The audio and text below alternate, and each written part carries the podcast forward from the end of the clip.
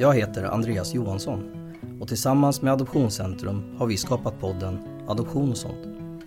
Den finns till för dig som är adopterad, som har adopterat, funderar på att adoptera eller bara vill veta mer om ämnet adoption. Programmen spelas in på Kungsholmen i Stockholm hos Säljarnas Riksförbund.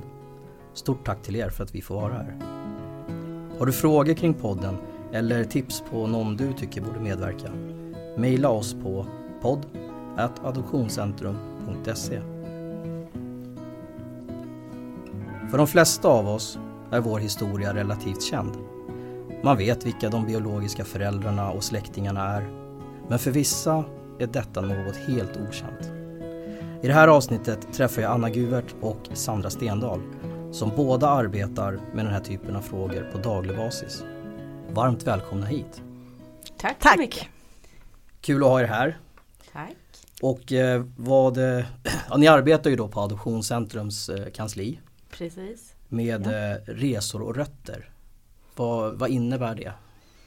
Ja, eh, jag kanske bara ska säga att jag heter Anna Guvert och jobbar som handläggare på Adoptionscentrum som du sa. Eh, dels på medlemsenheten och dels på Resor och rötter som är Adoptionscentrums namn på Post Adoption Service. Det stöd som vi ger till adopterade och deras familjer efter adoptionen. Och eh, vi hanterar en mängd olika frågor. Ehm, vi startade redan 1995. Det var den första handläggaren på kansliet eh, som fick ansvar för de här frågorna. Och det har varit väldigt mycket fokus på utlandet. Röttersökningar, att söka efter sin biologiska familj och att göra återresor. Antingen individuellt eller i grupp. Eh, och under årens lopp så kan vi säga kort att eh, vi försöker utforma ett stöd som också eh, fokuserar på ens liv och vardag här i Sverige. Som adopterad och som adoptivfamilj. För det är långt ifrån alla som kan eller kanske har intresse av att söka sin bakgrund eller att göra en resa till födelselandet. Utan det är andra frågor som också är viktiga i en adopteras liv. Mm. Och de speciella livserfarenheter är att vara adopterad och vara adoptivförälder. Så att vi försöker och eh, ja, eh, utforma stöd på olika sätt. Och vi jobbar väl med, i främst då, är det röttersökningar, återresor, eh, uppsökningar när en adopterad blir uppsökt av sin biologiska familj. Sen hanterar vi också eh, ärenden när man som adopterad begär ut kopior av sina adoptionshandlingar. Ah. Det är också någonting som eh, vi lägger väldigt mycket tid på eh, och man kan också behöva ett stöd eh, när man vill ha hjälp att läsa, tolka eller bara få hjälp att prata och stött, få stöttning kring den information som står i sina adoptionshandlingar. Men också då när det inte finns någon information. Det kan också väcka väldigt mycket känslor och tankar och funderingar. När det är ganska tomt i ens adoptionsakt. Mm. Ja, gud. Och jag, det, var, det, var, intressant för att det du sa där om resor och eh, rötter, återresa och så vidare. Det där, är, det där är lite begrepp som man kanske behöver reda ut. Eh, för att jag har alltid sett det som att en återresa och att söka sina rötter det är väl typ samma sak. Men så är det ju inte riktigt. Om jag förstår, förstår det rätt. Vad säger du Sandra? Nej, precis. Um, det är ju inte riktigt samma sak. Alltså Nej. en återresa, eller man kan väl säga så här. Vi, vi försöker skilja på kulturella rötter och biologiska rötter. Vi mm. tänker att det är en väldigt viktig skillnad där och sen är det inget som man ska värdera om det är bättre eller sämre men att man liksom att det finns både och. Och att gör man en återresa så kan man ju söka sina biologiska rötter. Det gör vissa och vissa har möjlighet till det och vissa har inte det. Eh, men man, gör man en återresa så gör man ju, eh, söker man ju sina kulturella rötter. Vilket också är, är jätteviktigt och än viktigare om man inte kan söka sina biologiska rötter. Mm. Så att det, men men, men jag, jag, förstår hur du tänker. Jag tror att de flesta tänker så. Det gjorde jag nog också. Ja. Sådär, att, att man, man tänker inte att man liksom söker sina rötter om man inte söker de biologiska rötterna när man mm. gör en återresa. Så det, mm. ja, för det vet jag många sagt till mig genom åren att men vadå, ska inte du söka dina rötter? Ska inte du åka dit? och det, för mig var det liksom så här, ja, jo, kanske någon gång, inte just nu. Men sen gjorde jag det i alla fall vid, senare. Men då gjorde jag en, en återresa egentligen. För att det här med att söka rötter det är ju mer som, som du var inne på Anna, liksom att gå igenom handlingar och, och sånt där. Vilket jag gjorde väldigt slarvigt så det är knappt att jag kan säga att jag sökte någonting faktiskt. Men jag åkte däremot ner ja. Eh, och där var det ju mer att andas in kulturen och liksom äta maten, träffa människor. Eh, ja, allt det här som man, som man har. Mm. Men spännande, spännande så att det är inte samma sak. Nu har vi rätt ut det mm. begreppet ja, och det är jätteskönt. Eh, och vad gör den här, den här avdelningen mer då? En, har ni andra grejer som ni, som ni också gör på Ja, vi har ju också eh, en del mer liksom, strukturerat stöd i form av workshops och föreläsningar. Mm. Eh, och bland annat eh, en förberedande workshop inför röttersökningar. Eh, och ska man söka rötter via Adoptionscentrum så är den obligatorisk. Men sedan vi eh, startade den här workshopen, det är väl en 6-7 år sedan, så har vi mer och mer eh, breddat den så att målgruppen är alla adopterade som känner att man vill kanske få hjälp i sina egna funderingar och tankar kring eh, biologisk bakgrund. Eh, man behöver inte ha bestämt sig för att jag ska söka rötter. Idag är det inte alla som kan söka genom just oss, för vi har inte kontakter i alla de länderna. Men det är många adopterade som känner att det är ett bra stöd eh, att gå den workshopen. Eh, till och med vissa som säger att jag insåg efter workshopen att jag måste fundera vidare på egen hand. Mm. Eh, jag är inte redo att starta nu eh, och det känns skönt att jag känner att jag har ingen brådska, ingen panik. Eh, jag, jag, får ta det i min takt. Och då är den här workshopen många gånger en hjälp på vägen. Och, och det tycker vi är positivt. Mm. Eh, sen har vi en del olika sorters föreläsningar, mycket digitalt nu eh, som har utvecklats under pandemin. Mm. Men sen skulle jag säga att eh, en stor del av vårt arbete för mig, Sandra och Charlotte, vi är tre handläggare på Resor och Rötter, eh, så är mycket samtalsstöd och rådgivning. Mm. Eh, vi är ju inga terapeuter, vi kan ju inte ge någon vård och behandling, men man kan ringa till oss både som förälder, anhörig och som adopterad självklart. Mm. Eh, allt som är adoptionsrelaterat eh, och boka in telefonsamtal. Och det är många som kanske aldrig har pratat om adoption med någon eller som mm. känner att det här är för nära att ta med kanske mina föräldrar eller min mm. partner eller min bästis. Jag behöver prata med någon som jag kan vara helt känslomässigt öppen med, inte ta hänsyn till en annans reaktioner mm. eh, i de här frågorna. Så att vi har väldigt mycket telefonsamtal eh, som också lär oss väldigt mycket om vad det är man kan ha behov mm. att prata om. Och där man väljer att kontakta Adoptionscentrum. Mm. För att man vet att här finns det kompetens, här finns det erfarenhet.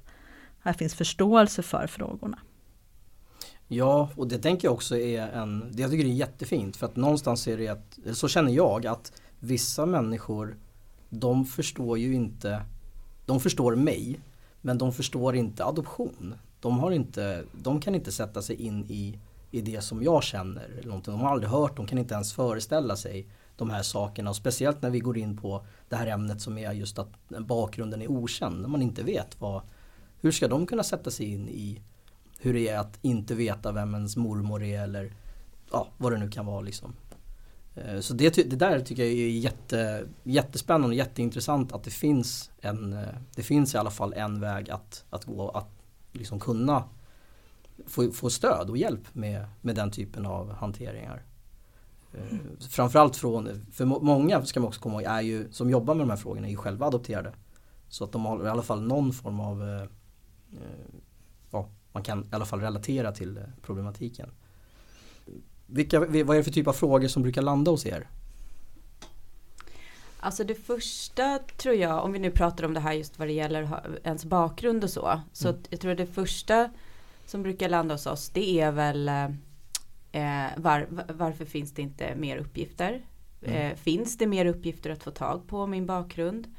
Eh, det är väl liksom det första eh, för att man vill, ja, man är nyfiken på sin bakgrund och man, man vill veta så mycket som möjligt. Ehm, den andra frågan i det är väl hur får jag tag på fler uppgifter? och, och, och eh, det är väl liksom det som vi behöver, eh, vad ska jag säga, hjälpa till med att just se vad, vad, finns det för möjligheter. För oftast så kanske det är så att det finns inga fler eh, möjligheter än det man har försökt. Alltså mm. man, har, man har beställt ut sin adoptionsakt från adoptionscentrum, man kanske har vänt sig till eh, tingsrätten där man eh, var folkbokförd när man, när man adopterades. Det finns ju lite, alltså mm. olika instanser man liksom kan, kan ta reda på information och, och det finns inte att ta reda på mera så. Så att det, det är väl liksom det första vi, vi brukar eh, få frågor om mm. skulle jag nog säga när det gäller bakgrunden. Och är det, är det någon skillnad på, för att jag gissar att ni, har ju inte, ni jobbar ju inte med alla länder. Nej. Utan det är ju vissa ursprungsländer som man, man arbetar med. Så låt säga att det kommer in en förfrågan om någon, från någon som har blivit adopterad från ett land som ni inte har samarbete med. Så att säga. Hur, hanterar man, hur hanterar man det från ert håll då? Det... Ja men precis, det är ju så. Alltså, Adoptionscentrum har ju samarbetat med väldigt många länder, ungefär 60 mm. olika länder genom åren från 1969. Så det är ju många, det är ju verkligen en bredd på eh, adopterade i Sverige, mm. så är det. Eh, och sen så har vi ju som sagt inte möjlighet att göra eh, alltså biologiska röttersökningar i alla de länderna. Eh, så att om man säger rent praktiskt så är det ju så att vi kan hjälpa till med ett, ett, ett par länder och sen så eh, hänvisar vi vidare faktiskt till MFOF, Myndigheten mm. för familje, familjerätt och föräldraskapsstöd. Eh, och de har ju ett projekt också där de hjälper till med röttersökningar via eh, centralmyndigheterna i, i ursprungslandet. Men jag skulle nog säga så här, om man inte pratar om det det liksom praktiska och konkreta så skulle jag nog säga att vi, precis som Anna redan har sagt, så försöker vi finnas där som ett stöd ändå. Även mm. om man inte har möjlighet att söka sina biologiska rötter via oss så, så, så vill vi ju finnas med som ett mm. stöd mm. Ändå om, om man vill liksom, ta hjälp av det. Så man kan alltid prata med er oavsett? Ja det kan man göra. Ja. Alltså, sen som sagt det här konkreta och praktiska kanske vi inte kan hjälpa till med men vi kan hjälpa till med att prata om förhållningssätt, mm. eh, tankar och känslor. Hur blir det för dig? Hur, kan man liksom, hur har det varit för andra? Vad hjälper? Eh, så. Och vad är det för, om vi, om vi går in på det som faktiskt är eh, lite temat också då idag, att när, när, när bakgrunden är okänd, hur, vad, vad kommer folk med för typ av det är kanske en svår fråga att svara på men vad kommer folk med för typ av frågor? Hur startar man ett sånt samtal med, med dig Anna till exempel? Mm. Eh, om vi utgår då ifrån att eh, folk kontaktar oss, mm. eh, såväl adopterade som adoptivföräldrar, absolut. Mm. För det är många adoptivföräldrar som också funderar på hur kan jag stötta mitt, mitt barn eller min ungdom? Eller att man själv känner att jag själv som förälder svårt att hantera att mitt barn har en bokänd bakgrund. Mm. Men hur som helst, oftast, precis som du var inne på lite Sandra, så är ju frågorna först, hur kan det komma sig att det inte finns någon bakgrundsinformation. Man kan bara känna oerhörd sorg och smärta i det men också lite misstänksamhet. Man mm. undrar hur kan det vara så här? Är det, har jag verkligen fått alla dokument och all information? Eh, men och att det kan påverka väldigt mycket är tydligt. Eh, vi vet ju också att det kan vara en orsak, orsak till eh, psykisk ohälsa eh, i sin kamp att försöka hitta ett förhållningssätt till att man faktiskt inte vet någonting om sitt eget ursprung. Eh, och då kan det väl ligga nära till hands, precis som du var inne på också det här att kan man söka på andra sätt, DNA och sånt. Men eh, sen brukar samtalen oftast eh, komma in på det här hur det känns och hur man upplever det, hur att leva med, med mm. den här situationen. Eh, och Eh, allt från att man känner sig annorlunda utanför, skildringarna i media av adopterade fokuserar ju ofta på de här mm. så kallade lyckade röttersökningarna. Tv-program som Spårlös påverkar ju väldigt mycket såväl adopterade som adoptivfamiljer, det märker vi. Det är många som ringer och säger att det är så där som det är, så där ska det vara. Kommer det någonsin att hända mig? Um, men sen eh, kommer vi oftast in på i, i samtalen det här att kan vara jobbigt att omgivningen eh, ställer de här frågorna, närgångna frågorna mm. eh, som man har inget svar på. Det är de frågor man själv tampas med, kanske under hela uppväxten. Mm. Eh, och som man hela tiden måste svara andra på. Eh, sen är det ju väldigt viktigt att säga att det är ju väldigt individuellt. Mm. Eh, även en sån sak som att ha okänd bakgrund, hur mycket det påverkar en i livet som adopterad. Eh, skillnad mellan individer men kan också eh, förändras över, över en livstid. Olika faser i livet Ja. kan det bli olika viktigt och eh, olika i fokus. Eh, så vissa kanske ringer om man fått barn eller att det har hänt något dramatiskt, man har mist en förälder eller något annat väldigt omvälvande i ens tillvaro. Mm. Och plötsligt så kan det bli väldigt, väldigt viktigt märker man och man är nästan inte beredd på det. Mm. Ja det kan jag verkligen förstå. Jag tror att till och med själv att nu när du sa det, jag har inte ens tänkt på det innan. Men eh, det var faktiskt det jag kände när, när jag miste min, vad ska jag säga, båda mina föräldrar. Men just när eh, pappa var den som gick bort sist och när han Mm. gick bort så kände jag mig så sjukt ensam. Mm. Då var jag liksom, ja, det var det som var den stora sorgen faktiskt. Att, att känna att jag var helt ensam. Mm. Eh, sen har jag såklart syster och liksom hennes familj och sådär. Men Mm. just den här biten att det var det sista lilla, man, man klippte liksom det där sista bandet. Mm. Eh, det kanske det är fler som, som upplevt och hör av sig om. Jo men just det här att bli föräldralös en Mm. andra gång. Som det är faktiskt Ja. många adopterade som känner när man har mist sina adoptivföräldrar. Eh, kan väcka mycket. Eh, sen är det så att jag och Sandra och Charlotte vi löser ju ingenting. Vi har inget facit eller svar. Men vi vet att det är viktigt för de som hör av sig att få sätta ord på det man känner. Och att det faktiskt är någonting som påverkar en. Mm. Eh, och att den här gruppen adopterade som har okänd bakgrund är väldigt osynlig. Mm. Och vi har ingen statistik men den är absolut att det är många. Och även i våra röttersökningsärenden när ett ärende behöver avslutas utan att den biologiska familjen har gått att finna. Eh, så är ju det också ett besked som behöver Mm. levereras och som man behöver stötta i att ge den adopterade. Eh, och sen ska man då leva med det resten av livet. Mm. Eh, så att även i våra röttersökningsärenden så är det ju en, en sak som, som är ständigt närvarande. Jag tyckte du var inne på, på en bra grej här då. Det var också just det här med timing.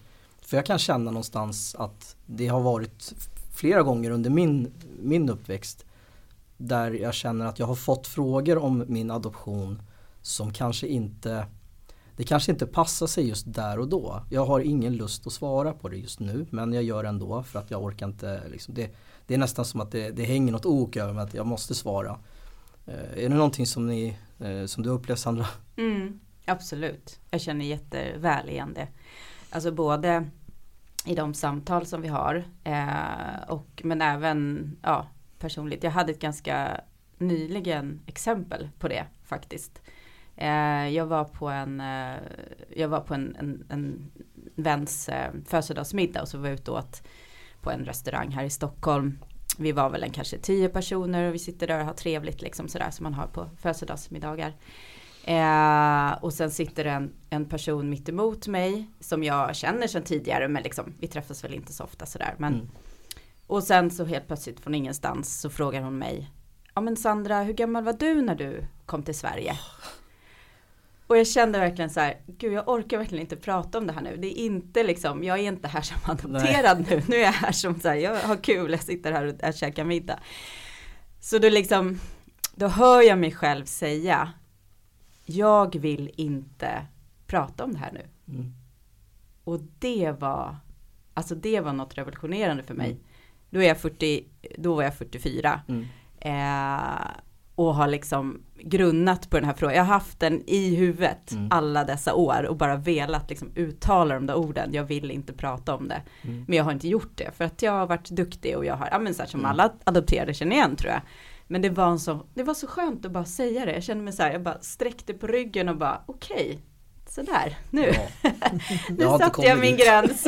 Nej, du, du, det finns chans fortfarande. Ja. Du är yngre än vad jag är. Så, Ja, det, ja, kom, det- kommer. Men det var så otroligt skönt. Och nu har jag Mm. gjort det en gång så nu kan jag, nu kan jag, nu är det bara att fortsätta liksom. Men det tar tid, ibland kan det ta tid. Ja, jag, jag vet alltså under, det var under skoltiden och allt möjligt och det, det jag insett nu också så här i efterhand det var att jag, jag hittade på ganska ofta, jag orkade inte, så jag drog lite lögner här, eller ganska många tror jag.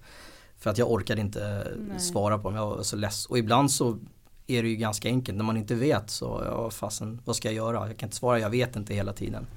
Eh, för då får man ju mm. frågor på det. Mm. Liksom.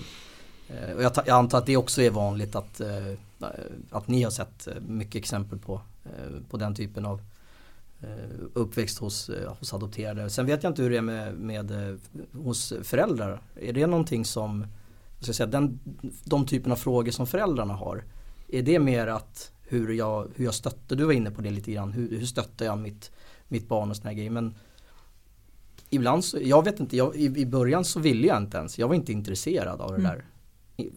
Är det vanligt också att föräldrarna vill men inte, eh, men inte barnen?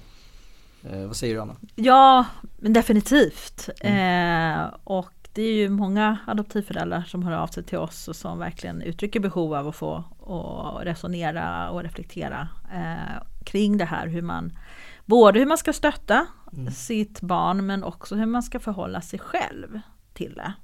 Eh, och vi tror att det är en viktig insikt att kunna skilja på vad är mina egna känslor och tankar och kanske saker som är obearbetade eller känns, som känns svåra att hantera. Utan att lägga det på sitt barn och projicera mm. att mitt barn eh, känner ditten och datten. Eh, och många adoptivföräldrar kan ju känna att man undrar lite, mitt barn är inte alls intresserat av ursprung och söka rötter och sådär eller återresa. Har vi gjort något fel? Skäms han eller hon för att vara adopterad? Eller är det just oss som föräldrar som, som inte känner att man kan vara öppen med och vill han inte prata med oss? Eh, till att man, just om man vet om då att ens barn har okänd bakgrund, att man kan vara ledsen för det, också ha en sorg och smärta i sig kring det. Um, svårt att acceptera och eh, hur ska man vara positiv eller ingjuta hopp och mod eh, i, i, perspektivet att vara adopterad och att man ska vara stolt över det fast det är en stor del av ens ursprung som är totalt okänt. Mm. Um, så att ja, det kan vara både hur man ska stötta sitt barn och, och sen hur man själv ska hantera det.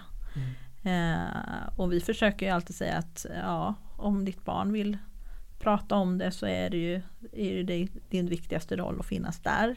Uh, och gå bredvid och lyssna snarare än att prata. Men uh, vill de inte prata någonting alls så får man vänta in Sen beror det på såklart hur gammalt ett barn är. Det finns ju inga standardlösningar. Men att man kan få, få prata med någon utomstående om hur man känner och hur man kanske ska närma sig sitt barn i de här frågorna. Då, då finns vi där. Mm. Jag personligen vågade jag nog inte, eller jag, jag, ville inte prata med dem om det för att jag tyckte att jag Det kändes som att jag skulle såra dem om jag, om jag började fråga om, om de här sakerna. Mm. Eh, att mm. jag skulle liksom känna, eller hur ska jag säga, att de skulle uppfatta mig som otacksam eller någonting sånt där. Det, det var väl egentligen det som jag som gjorde att jag valde att inte, jag, jag pratade inte så mycket om det. Eh, men jag undrade en himskans massa och jag tror att någonstans däremellan så började jag hitta på grejer också för att liksom stilla min egen, eh, mm. mina egna känslor på något sätt. Mm. Jag tror det är ganska vanligt. Alltså mm. dels vanligt att man inte vill prata med sina eh, adoptivföräldrar eller sina föräldrar om det. Och det kan, jag, det kan jag känna igen även om man är vuxen. Alltså mm. så de som gör röttersökningar, då är man så medelåldern är ju runt 30 och göra eh, en röttersökning och även liksom då när man, är, när man är vuxen och man känner att man vill inte involvera sina föräldrar, adoptivföräldrar i, i eh, sin röttersökning till exempel. Men jag tänkte på en annan sak som, ja. du, som, du, sa, som du sa igen nu, som tänkte jag här med att hitta på, eller så här, att mm. du, du hittade på ett svar om din, ja, din bakgrund. Nej, men det, jag, jag tänker att det är också så här, det är väldigt intressant jag tänker att det, att det är också någonting som vi vi också tycker är så viktigt att lyfta just det här med att man har ju alltså all, det är något mänskligt i att liksom ha en, en känsla av sammanhang om man nu ska mm. prata i de termerna för en människa så är det ju att, att ha någon sorts bakgrund. Mm. Alltså det blir ju en del för att vara en hel människa så behöver du liksom ha en bakgrund, en historia, en berättelse om dig själv mm. från mm. att du föds. För att du ska liksom veta vem du är på mm. något sätt. Eh, så att i det så blir det ju väldigt mänskligt att man liksom vi som då, jag har ju också okänd eh, bakgrund så. Mm. Eh, att liksom, jag behöver ju hitta på något för, för att ha någonting att hå- hålla mig fast i på något Mm. sätt. Och där i är det ju, det, det, det finns ju liksom verkligen en bredd. Man kan ju, man kan ju hitta på där vad man vill liksom på åt olika håll. Både positivt och negativt. Nej men liksom så att på något sätt är det ju lite härligt. Ja. Det kan man ju tycka beroende på vad man hittar på. Men, men eh, jag tänker att det också är så viktigt att man Mm. får göra det. Eh, och lite så här som du säger Anna då, när man är liten, att man också så följer barnet i det. Fast Mm. det måste kanske också vara någon balans i att det är lite, lite realistiskt liksom. Ja. Inte så här, man kan hitta på vad som helst när man är liten och ön- önska sådär. Nej men jag tänker att det är viktigt ändå att man att man tillåts att få göra det och att det är Mm. så här, ja men bara för att man inte vet någonting om sin bakgrund så ska den bara vara helt så här, nej men du vet ju inget så då ska det vara blankt liksom. Utan du har ju all rätt att så här, jag fyller det med det som man behöver liksom på något sätt. Ja. Så. Jag tror att du sa någonting bra där. Det var önska. För att jag, Ja. jag tror att det var det jag gjorde. Jag önskade att Ja. det var på, på liksom de här sätten. Och sen så ändrades ju det. När jag, nu kommer jag inte ihåg exakt ålder. Men jag vet att när jag var väldigt liten och folk frågade. Då kunde jag ju dra. Då var det ju liksom riktiga fantasigrejer. Ja. Men sen så är ju liksom ju äldre jag blev desto mer ja, trovärdigt kan jag använda ordet. Så lite mer trovärdigare och för hela, hela tiden liksom. Eh, Men till slut så landade jag ju, det, det tog många år innan jag landade i att nej, det är bara vad det är. Jag vet faktiskt inte. Och så kan jag säga det till folk. Men det kändes som att när de ställde frågan så var det nästan som att jag var tvungen att, att ha ett svar. Jag kan inte bara säga jag vet inte. Mm. Eh, Och det kändes riktigt, det var så här sjukt bara att jag, jag måste kunna säga någonting här. Mm. Ja men det är de här förväntningarna från Ja. omgivningen helt klart. Mm. Som liksom gör, gör, gör att man måste skapa det där på något sätt.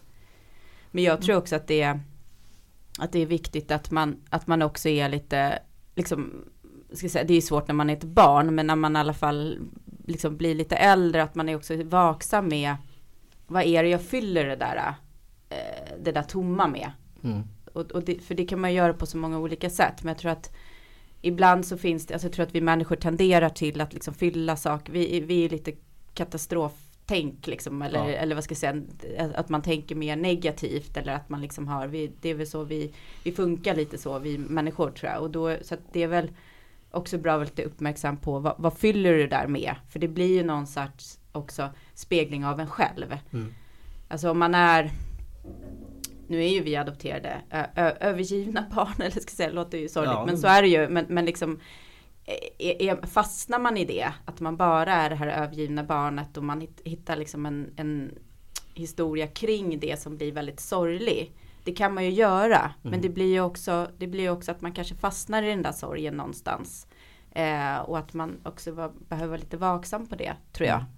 Mm. Att det inte bara är det som definierar en på något sätt. För det tror jag kan, Ja. kan hända. Att, att man liksom definierar sig som den här eh, bakgrunden som man inte Mm. känner till. Förstår du vad jag menar? Ja, eh, faktiskt. Ja, Väldigt mycket förstår jag vad du menar. ja. okej. För det var verkligen, ja, det var träff rakt på.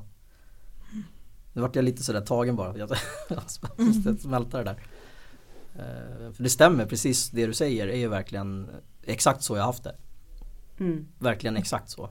Och jag tror också att, nu, nu pratar ju vi adoption, men jag tror även att eh, jag menar det växer ju upp barn eh, utan, utan att man vet om den ena föräldern har, har lämnat när man var liten eller eh, gått bort eller det, det kan ju vara allt möjligt att man saknar, man saknar information och, och så vidare. Så att jag tror att det är ändå någonting som jag tror att folk kan, de kan relatera till det lite lättare på det sättet.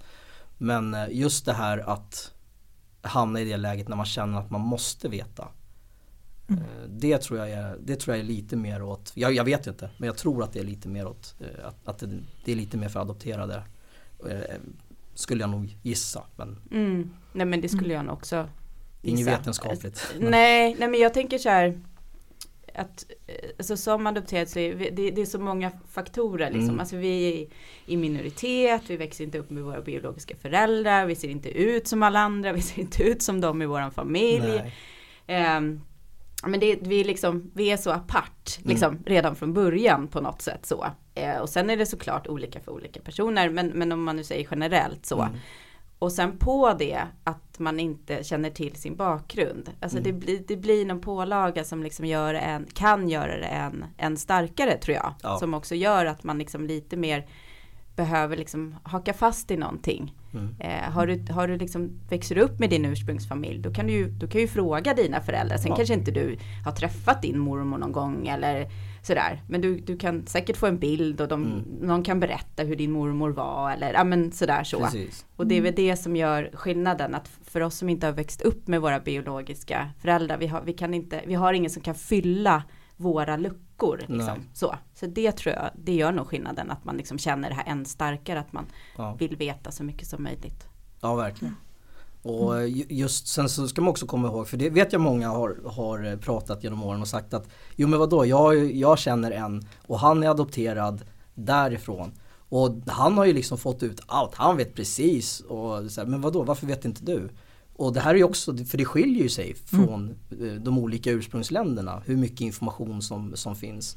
Det skiljer sig vilken, vilken årsmodell det är på människan som, som eh, adopteras. Jag menar, jag kom hit på 80-talet eh, och jag, jag gissar att de som kommer nu, då kanske det finns, ja det här med digitala och allting, att det finns mycket mer information kanske.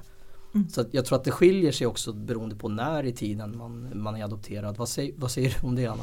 Jo men det gör det ju definitivt. Eh, adoption, eh, internationell adoption har ju utvecklats eh, under årtionden. Mm. Adoptionscentrum har funnits sedan 1969. Mycket har hänt i Sverige och världen Mm. vad gäller regler, lagstiftning och bestämmelser.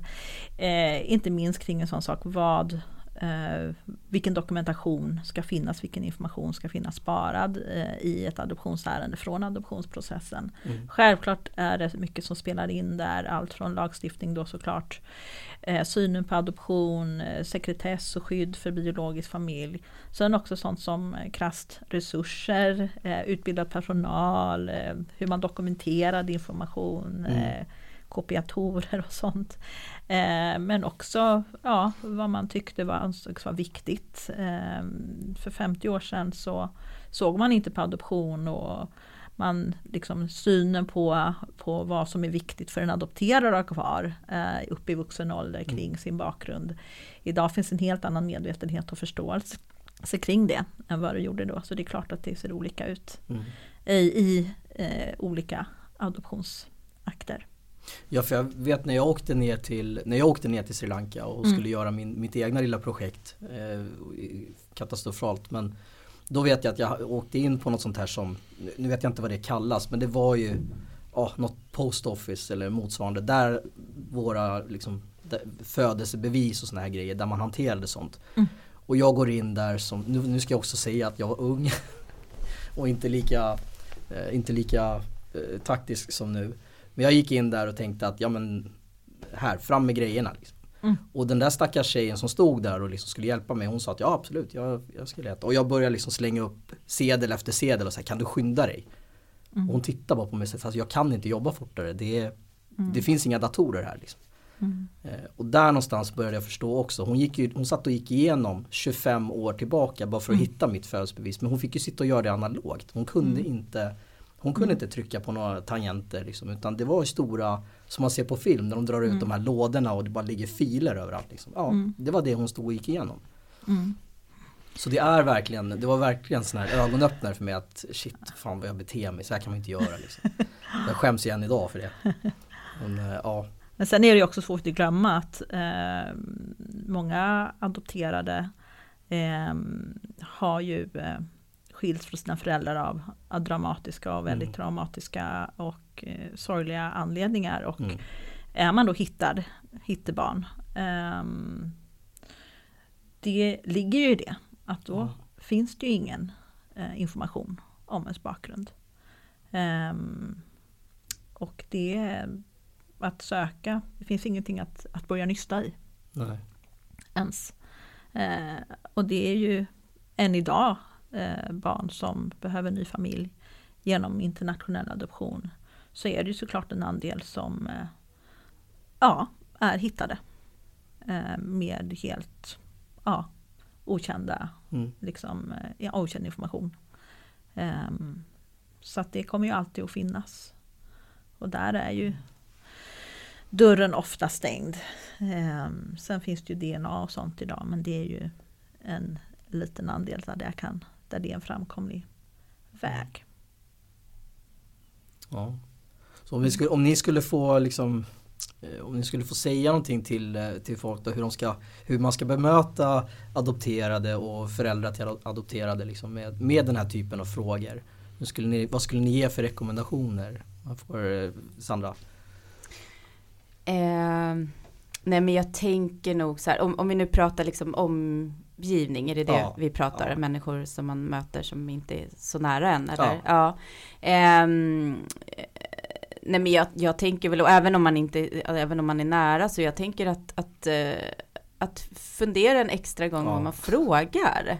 För det, mm. det, och det här är ju något som också jag säger du nickar och ja. vi liksom alla som är adopterade känner igen oss så väl i det här med alla frågor och så som man får. Eh, som är det liksom ofiltrerade frågor som, som människor tänker att de har rätt till, mm. få veta. Samtidigt så ställer vi inte de, de frågorna till liksom andra personer på samma sätt. Mm. Eh, som går liksom rakt in i hjärtat hos en mm. eh, som adopterad och adoptivförälder ska jag säga. För mm. det är ju, så är det ju också. Det är ju också tufft att få många frågor. Eh, ja. Så, att det, så att det är väl att tänka efter en extra gång och liksom inte ta för givet att bara att jag tror Anna sa något så himla bra i morse när vi pratade inför den här podden så sa hon så här som adopterad så är man alltid standby. Ja. Eh, och, och du, du, kanske får förklara det själv Anna, men, jag, men jag, jag tog till med det och tyckte så här, men det är lite så. Man mm. är liksom standby hela tiden och, och så här, svarar på väldigt privata saker om en själv. Och man bara gör det så här på automatik på något sätt. Det var jättebra. Eh, det, jag tyckte det var ett väldigt bra uttryck. Men, så, att, så att kan man omgivningen hjälpa till och liksom mm. minska att man är den där standby hela tiden. Då är ju det en fördel för, ja. en, för en som adopterad och som adoptivförälder. Kan man säga. Ja, för jag tänker för föräldrarnas del så är det så, det, det har man ju hört från många att det frågar man ju, jaha vem var det fel på? Mm. Och det är så här, men ja, var det fel och det är ju, på det? Så kan man inte säga. Nej. Liksom. Och jag men det, det, har jag fått, det har jag fått lära mig liksom, som vanlig, vanlig kille som växte upp att man frågar inte liksom om oh, kan, varför har inte ni skaffat barn? Eller man frågar inte tjejer om de är gravida eller, och så vidare. Mm, det är vissa saker man bara inte. Men att fråga adopterade om deras bakgrund det, det är typ okej okay, fortfarande. Känns det mm. som. Så där mm. jag håller med dig. Fan, tänk ett varv till och så, mm. så provar vi i alla fall. Det kanske når ut. Precis. Ja. Och jag kan haka på Sandra där. Mm. Eh, just eh, för vi vill ju liksom försöka också stötta eh, för att kunna ge fler förhållningssätt mm. till sin bakgrund. och att, både till att vara adopterad och inte minst att ha okänd bakgrund. Och vi tänker att som adopterad så är det viktigt att aldrig känna att man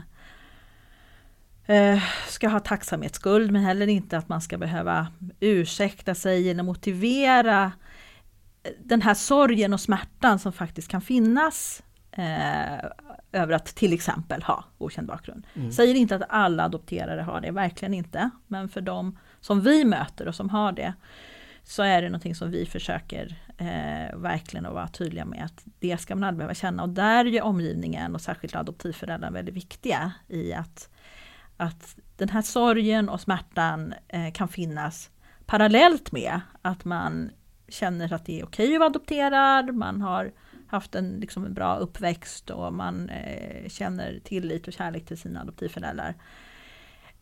Men det, eh, man måste ändå få tillåtelse och känna att det är okej att ha den här sorgen och smärtan mm. över sin okända bakgrund. Och där tror vi också att det kan vara en hjälp att man Precis som du sa Sandra, här, att den här tomheten, det här tomrummet som man fyller med saker, det är en sak som man kan liksom kanske nästan fastna i. Mm. Eh, vi tror att det kan vara bra också istället kanske titta lite grann på vad består sorgen av? Mm. Eh, och det har vi med en del i vår föreläsning. att Vad är det man sörjer? Och det kan också vara som adoptivförälder. Vad består den här sorgen och smärtan av? Och det kan ju vara då till exempel att man om man ska bli lite mer konkret, att mm. vad är det för frågor som man aldrig får svar på? Eh, vad är det som man aldrig får möjlighet att säga till sina biologiska föräldrar? Eh, vad är det eh, för någonting som de aldrig får möjlighet eh, att säga till mig eller mm.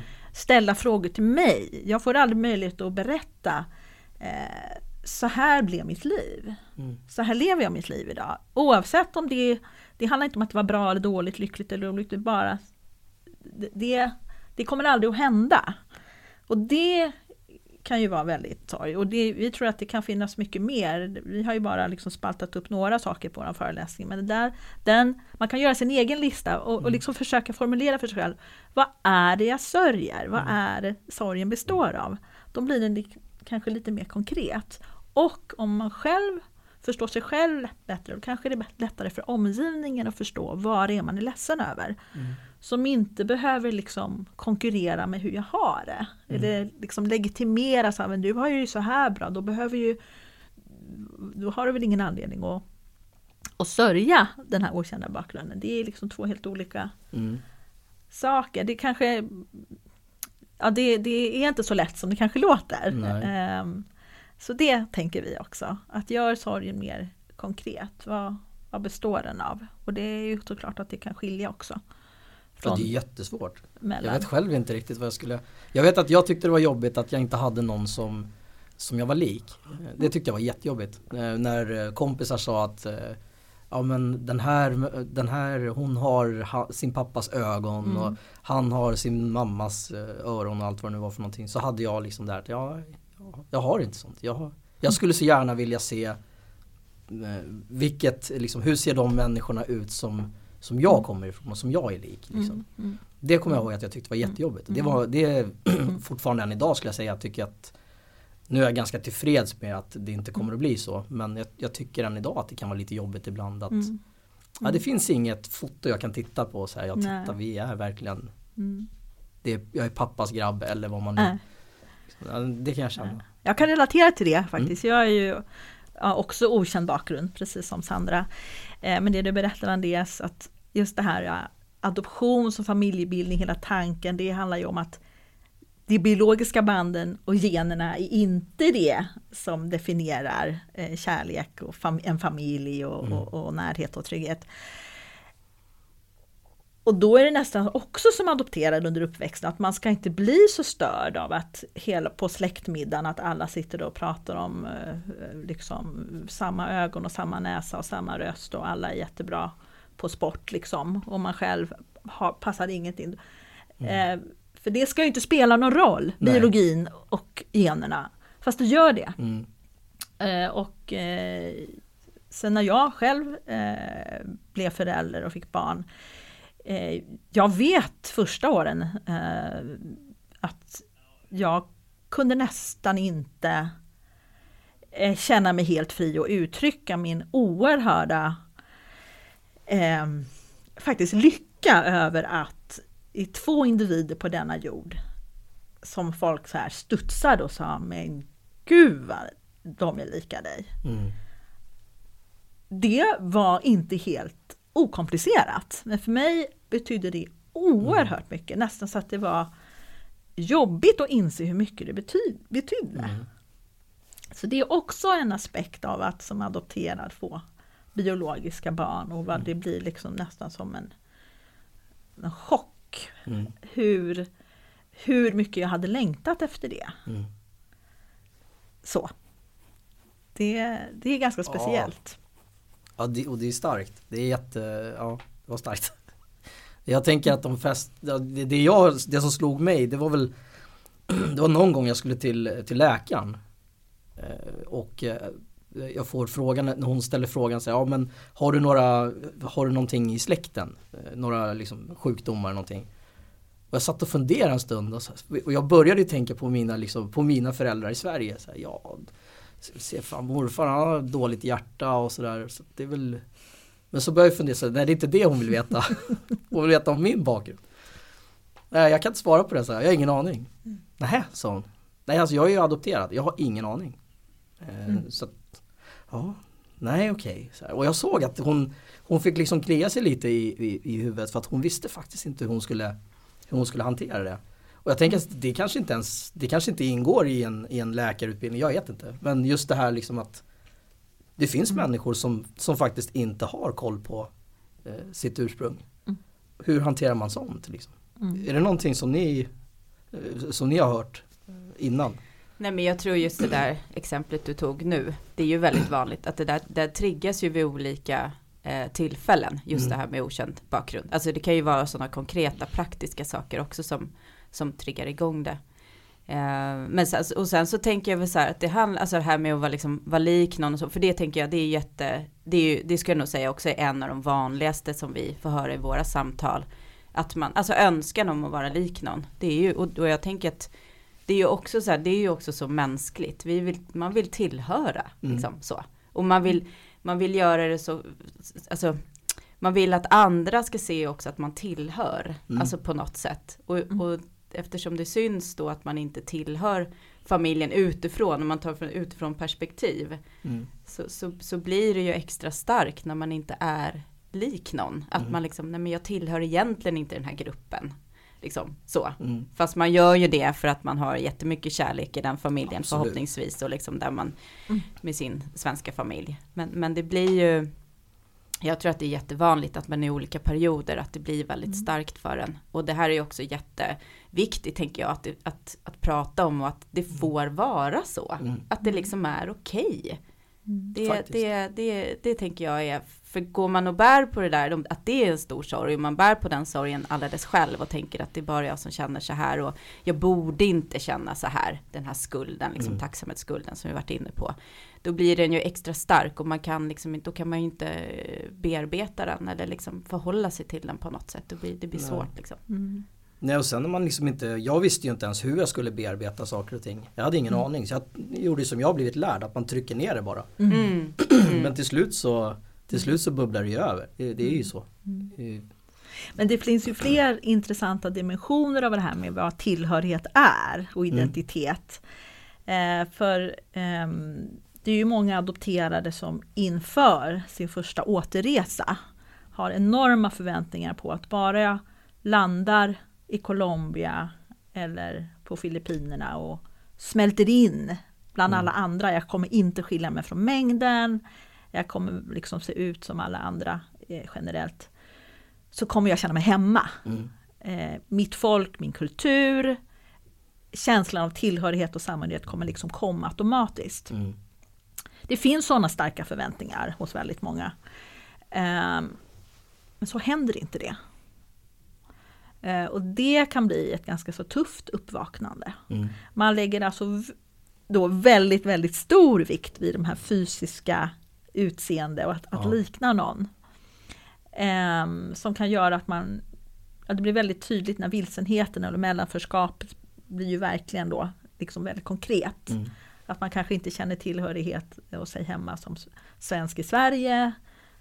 Och inte ens när jag kommer till mitt födelseland och smälter in i mängden och ser ut som alla andra. Mm.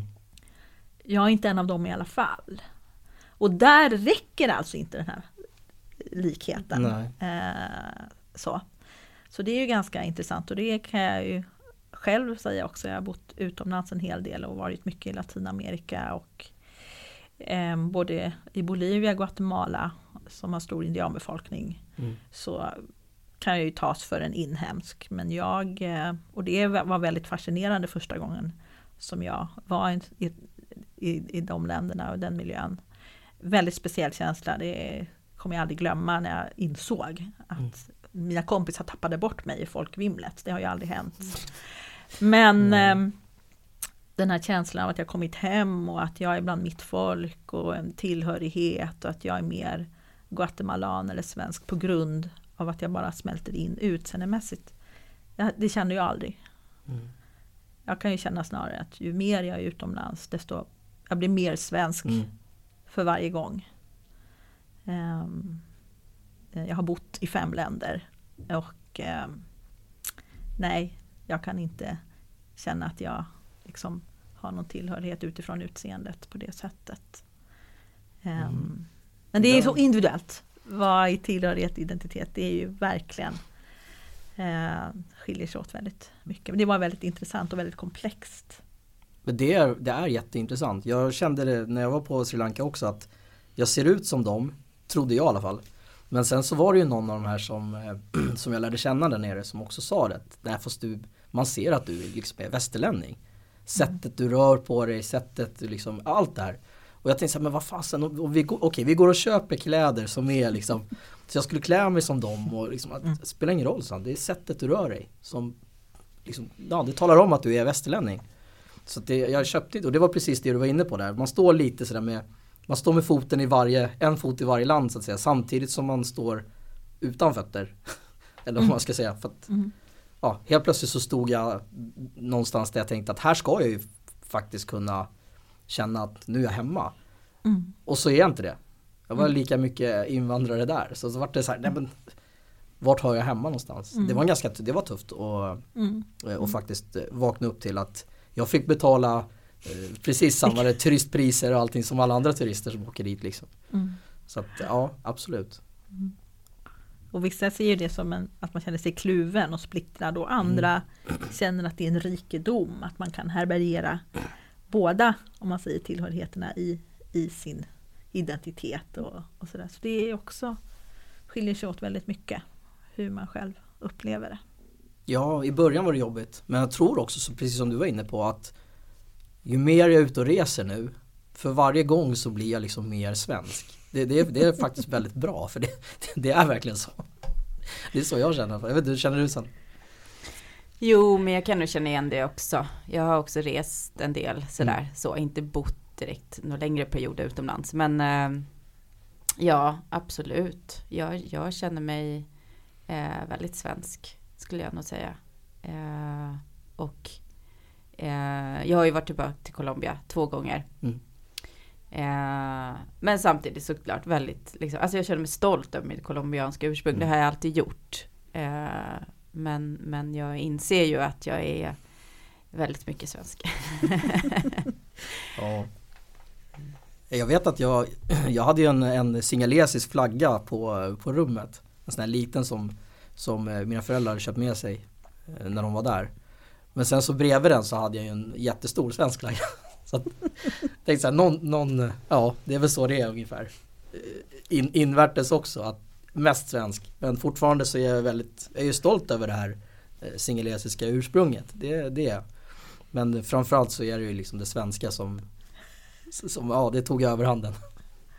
På något sätt. Och för många är det ju precis tvärtom. Ja, Eller precis. helt, det är det som är så Och det tror jag också, det är, jag tror att det, det, är bra att det är individuellt. För att mm. man, det ska inte en, en sån fråga tycker jag inte att det ska finnas varken rätt eller fel utan man får väl känna som man gör. Mm. Upp till var och en. Liksom. Mm. Och att det kan växla över livet. Exakt. Återigen. Olika faser där man känner man sig olika. Ja, ja, och nu tycker jag nu är det nästan, nu har det blivit lättare med liksom det kulturella också skulle jag säga med eh, Eftersom vi har blivit mer med internet och såna här grejer att det är lättare att ta till sig det eh, Eh, från ursprungsländer och sånt som man inte, jag visste ju inte vad singalesisk mat var liksom. Det fanns ju, vad skulle jag hitta kokböcker därifrån och i så fall, ja hur ska jag läsa vad som står i dem? Eh, eller liksom musiken och sådär. Nu finns det ju att ladda ner på alla möjliga och Spotify och Youtube och allting. Så nu går det ju att det går att ta del av sitt, eh, sitt arv och sin kultur på, på ett helt annat sätt idag och det, det tycker jag är jättebra. Mm.